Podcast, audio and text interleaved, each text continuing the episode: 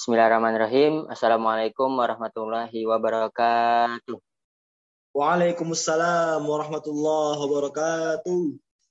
Kembali lagi bersama kita di podcast Salim dan Zakaef.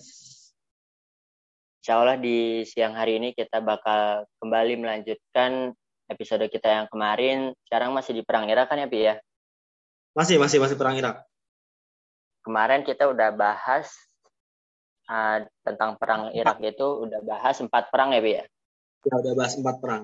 Nah, udah bahas empat perang buat teman-teman yang belum dengerin episode sebelumnya bisa didengerin dulu aja biar nyambung sama episode ini. Nah, lanjut ya, berarti betul. sekarang berarti sekarang kita beranjak ke perang kelima ya. Ya, benar, Bu. Sekarang beranjak ke perang kelima. Apa tuh Bi perang kelima? Jadi kan sebelum-sebelumnya kita sudah ngebahas perang ya, Bu. Nah, sekarang kita ngebahas penaklukan suatu kota. Ya, anggaplah termasuk perang ya. Termasuk yeah. perang. Jadi, rentetan kelima gitu. Dari sekian banyak rentetan yang tanpa henti tersebut. Penaklukan Jadi, apa sebagai, ini? Ini penaklukan namanya kota Al-Hiroh, Bu. Hmm. Nah, kan di dua di dua podcast sebelumnya tuh kan sudah pernah aneh sebutkan ya pas pengenalan ekspedisi Irak ini bahwasanya nanti kaum muslimin akan menaklukkan kota Al-Hiro. Nah, ini nih akan kita ceritakan di episode kali ini seperti itu. Oke. Okay. Ya. Emang gimana Jadi, ah, penaklukan Al-Hirah itu? Oke, okay, baik. Jadi uh, pemimpin Al-Hirah namanya Marzaban itu bersiap diri untuk melindungi Al-Hirah. Jadi, Bu, sebelumnya sebagai pengenalan ya, kota Al-Hirah itu berada di antara dua sungai. Jadi sungai Eufrat itu bercabang gitu loh, Bu. Dari satu menjadi dua kebelah Nah, di tengah-tengahnya hmm. itu ada kota Al-Hiro. Jadi kota Al-Hiro oh. itu terlindungi secara geografis dari pasukan musuh. Karena kan pasukan musuh kalau menyerang mereka otomatis harus nyebrang dulu kan? Ya kan? Iya. Nah, kalau nyebrang itu kan butuh waktu ya. Uh-uh. Nggak kayak kalau darat kan bisa langsung lah bahasanya gitu kan. Iya. Jadi ceritanya niatnya Marzaban ini, wali kota Al-Hiro, ingin mencoba membendung sekitaran daerah apa daerah sungai tersebut dengan apa ya, tumpukan-tumpukan pasir gitu sehingga nanti ketika pasukan Islam akan menyeberang itu mereka kesulitan karena kan tanahnya jadi lebih tinggi gitu loh bu ngerti nggak? Oh iya iya iya ngerti ngerti ngerti. Terus kan kalau udah logistik logistik itu kan berat ya benar nggak? Benar, jadi, benar. jadi makin lama lah jadi makin bisa makin rentan untuk diserang kan kalau seandainya makin iya. lambat. Kan tapi uh, sayangnya ya pasukan muslim itu sudah ketika Marzaban ini berniat untuk mengblokade sekitaran sungai Eufrat, ternyata pasukan muslim udah nyampe duluan, Bu. Berarti kalah cepet ya Marzaban ini. ya gak hoki lah si Marzaban ini mungkin. ya terus. Nah, akhirnya, uh, pasukan yang tadi mau memblokade itu bentrok sama pasukan Khalid. Nah, tentu ya namanya juga Khalid kan masih menang lah buat ketebak gitu. Nah, kemudian hmm. akhirnya Khalid pun mengepung kota Al-Hiro. Nah, Anda sendiri belum tahu ya, Bu. Jadi kalau di buku Profesor Dr. Ali Asolabi itu hanya jelaskan ada empat posisi yang diambil Khalid untuk memblokade kota Al-Hiro, untuk mengepung kota Al-Hiro. Pertama, Anda nggak tahu ya ini utara mana, selatan mana, barat mana, timur mana, karena tidak dijelaskan seperti itu. Jadi yang dituliskan itu sama beliau itu seperti ini. Pertama, Diror bin Azwar mengepung istana Al-Abiyad. Kedua, Diror bin Khattab mengepung istana Adasiyin. Ketiga, Diror bin Mukrin mengepung istana Bani Mazin. Yang keempat, Al-Musanna bin Harithah mengepung istana Ibnu Buqailah. Nah, ini teman-teman mungkin bingung ya, Bo. Kenapa kok nama-namanya seperti nama-nama Arab ya? Bani Mazin, Ibnu Buqailah. Jadi sebenarnya kota Al-Hiroh ini, sebagaimana yang sudah disebutkan di episode yang lalu, kan kota checkpoint pertama, benar nggak, Bo? Iya, benar. Al-Hirah itu sebenarnya itu kotanya orang Arab, Bo. Orang Arab Irak yang aneh bilang Al-Mustanna itu, yang di episode sebelumnya juga. Oh, berarti Al-Hirah ini isinya orang-orang Arab ya? Benar, orang-orang Arab dari Bani Lahmid. Kalau antum semua nih mau tahu tentang sejarah Bani Lahmid, bisa cek sendiri di Google ya. Intinya kota Al-Hirah ini merupakan kotanya orang-orang Arab, bukan orang-orang Persia, tapi yang tunduk kepada orang-orang Persia. Jadi kayak fasal gitu, Bu, negara bawahan. Ah, iya, iya, paham, paham. Nah, setelah Khalid mengepung Al-Hiroh ini, Khalid ya seperti biasa lah, Bo, kan prosedur peperangan dalam Islam gitu ya. memerintahkan hmm. penduduk Al-Hira untuk memeluk Islam. Apabila mereka bersedia, maka diterima. Sedangkan apabila mereka enggan, maka akan diberi waktu selama satu malam dan memerintahkan mereka selama satu malam itu ya agar tidak membantu musuh, namun justru harus memerangi musuhnya kaum muslimin. Akhirnya memerangi, artinya memerangi orang Persia kan, benar Iya. Dan mereka juga tidak boleh melarang kaum muslimin untuk memerangi musuhnya kaum muslimin. Jadi mereka kayak semacam netral gitu loh, Bu. Artinya. Hmm, ya ngerti ngerti ngerti. Akhirnya jadi opsinya cuma dua. Masuk Islam, netral sama eh sama ada tiga deh. Masuk Islam, netral atau diperangi gitu. Kan kalau netral ini istilahnya jizyah benar gak, Bu? Tetap kafir tapi yeah. membayar jizyah, membayar upeti. Nah, nah penduduk akhirnya ini pilih mana? Penduduk al ini memilih untuk membayar jizya, Bu, sebanyak 190 ribu dinar. Berarti penduduk al ini milih netral ya? Milih netral, mereka tidak memilih untuk menjadi Islam gitu ya. Nah, ya tidak apa-apa, karena itu kan merupakan salah satu opsi yang diperbolehkan dalam Islam, benar nggak, Bu? Iya, benar, benar, benar. Kemudian akhirnya, ya setelah orang-orang al ini menyerah seperti itu ya, Khalid melaporkan kepada Khalifah Abu Bakar As-Siddiq dan mengirimkan jizyah tersebut. Nah, kemudian dibuatlah. Jadi kalau kalau sebagai jizyah itu, Bu, ada harus ada perjanjian tertulisnya, Bu. Ada klausulnya gitu. Hmm. Nah, klausul jizyah pun dibuat, ditulis bersama oleh pihak kaum muslimin dan pihak penduduk Al-Hirah. Mereka akan membayar 190 ribu dinar per tahun. Jadi bayar jizyah itu, Bu, setahun sekali, Bu, bayarnya. Setahun sekali.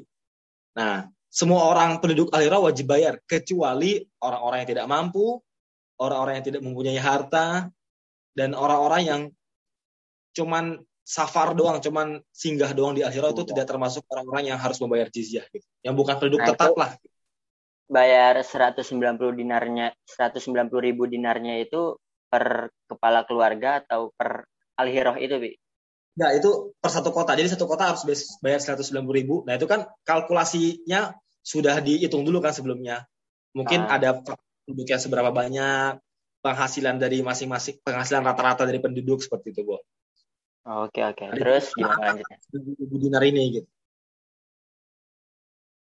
Terus setelah menguasai kota Al-Hira nih, kota Al-Hira kan strategis, kemudian eh, apa namanya juga lumayan sulit untuk diserang kan, karena tadi Ani bilang tuh di antara dua sungai, sungai Eufrat gitu ya. Uh -huh. Nah, setelah menguasai kota Al-Hira, Kota tersebut dijadikan kaum muslimin sebagai basis utama mereka di Irak untuk memberikan komando dan markas koordinasi pasukan-pasukan Islam dan menerima instruksi dari pimpinan pusat di Madinah yang kemudian kaum muslimin dapat melanjutkan misinya membuka daerah-daerah Persia lainnya. Karena secara geografis dan budaya, Al-Hirah terletak di antara Irak dan Persia. Maksudnya gini, Bu. Nah, kan itu kan tadi perang Irak ya. Uh, yeah. Irak, ya. Si Irak kalau orang-orang mau tahu ya, negara Irak sekarang ya seperti itu kondisi geografisnya segitu Irak. Nah, hmm. kota ini berada di antara negeri Irak dan negeri Persia gitu. Jadi sangat ya sebagai checkpoint lah. Kalau antum mau lebih tahu jelas mungkin bisa dengerin di podcast yang lalu ya, Bu. Bener nggak, Bu? Iya. Berarti Persia sekarang tuh kira-kira Iran lah ya, Pi. Ya, Persia sekarang itu Iran, Bu. Secara geografis seperti itu. Jadi kalau ada orang bilang Iran, maaf, kalau ada orang bilang Persia, itu berarti artinya yang di Iran sekarang gitu. Hmm, iya, iya. Oh iya sebentar Pi, Anda mau nanya Pi. Kan tadi uh, penduduk al ini udah menyerah ya, apa me, untuk bersepakat untuk membayar jizyah. Nah ini marzabannya ini tetap jadi kepala ini, kepala negara di situ, kepala kota. Tetap Bu, tetap. Jadi okay. tidak dilengsarkan selama mereka masih tetap taat kepada apa tidak menyerang seperti yang tadi disebutkan tidak menyerang kaum muslimin tidak berpihak sama musuh yaitu Persia dan tidak melarang kaum muslimin untuk menyerang Persia. Jadi mereka jadi orang yang netral. Oke. Okay. Selama mereka masih melakukan hal tersebut, ya sah saja wali kotanya dari mereka juga gitu. Oke. Okay, nah dari dari kota Al Hiro ini, Khalid juga menyebar para petugas ke wilayah-wilayah pelosok untuk memungut pajak dan upeti jizyah lainnya ya di samping mengirim detasemen-detasemen patroli ke pantai dan pelabuhan untuk menjaga stabilitas kawasan. Jadi gini, Bu, kan itu ke kota Aliro. Pasti kan di samping-sampingnya ada pedalaman-pedalaman, benar nggak, Bu? Di kampung-kampung lah, sebut Baduy yang cuman uh, pakai tenda-tenda gitu. Ya. Nah, mereka mau membayar jizyah dan pajak, mereka akan dilindungi, Bu. Jadi kalau seandainya besok-besok ada pasukan Persia yang menyerang suku-suku pedalaman ini, kaum muslimin akan membantu mereka gitu. Hmm, iya iya iya paham paham. Itu kaum muslimin kayak Malak enggak, mereka bertanggung jawab atas keamanan orang-orang pedalaman seperti, seperti mereka Berarti istilahnya simbiosis mutualisme ya. Benar sekali. Nah, berita tentang kemenangan kaum muslimin di Alih Roh ini, ini kan kemenangan keberapa? Kemenangan kelima, benar nggak? Kemenangan kelima.